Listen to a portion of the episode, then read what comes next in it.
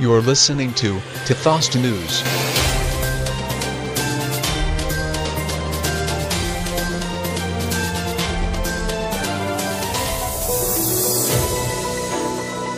A mountaineer from Nepal has smashed the record for reaching the world's 14 highest peaks, according to a post on his social media account on Tuesday. Mr. Nirmal Purja completed the climb of the 14 mountains, all over 8,000 meters, 26,246 feet, in 7 months, the post said. The previous record was 7 years, 11 months and 14 days. Mission achieved. Says Nimsdai from the summit of Shishapangma.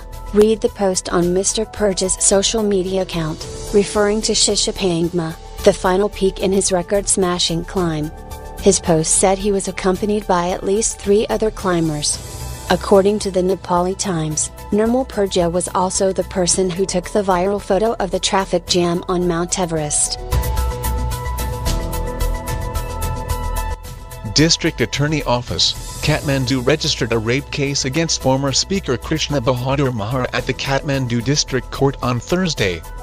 The prosecutor has sought a five-year jail term for Mahara who has been accused of raping Roshani Shahi, an employee at the Federal Parliament Secretariat. Chief of Metropolitan Police Kathmandu Raj Subedi told Republica Online that the rape case was filed against the former speaker earlier this afternoon.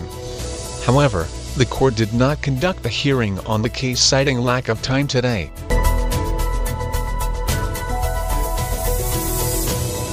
Okay, that's for now. We will catch you again with more news. Please subscribe Tathastu Podcast. Let's go. This is your radio, your station. You are listening to Tathastu Podcast.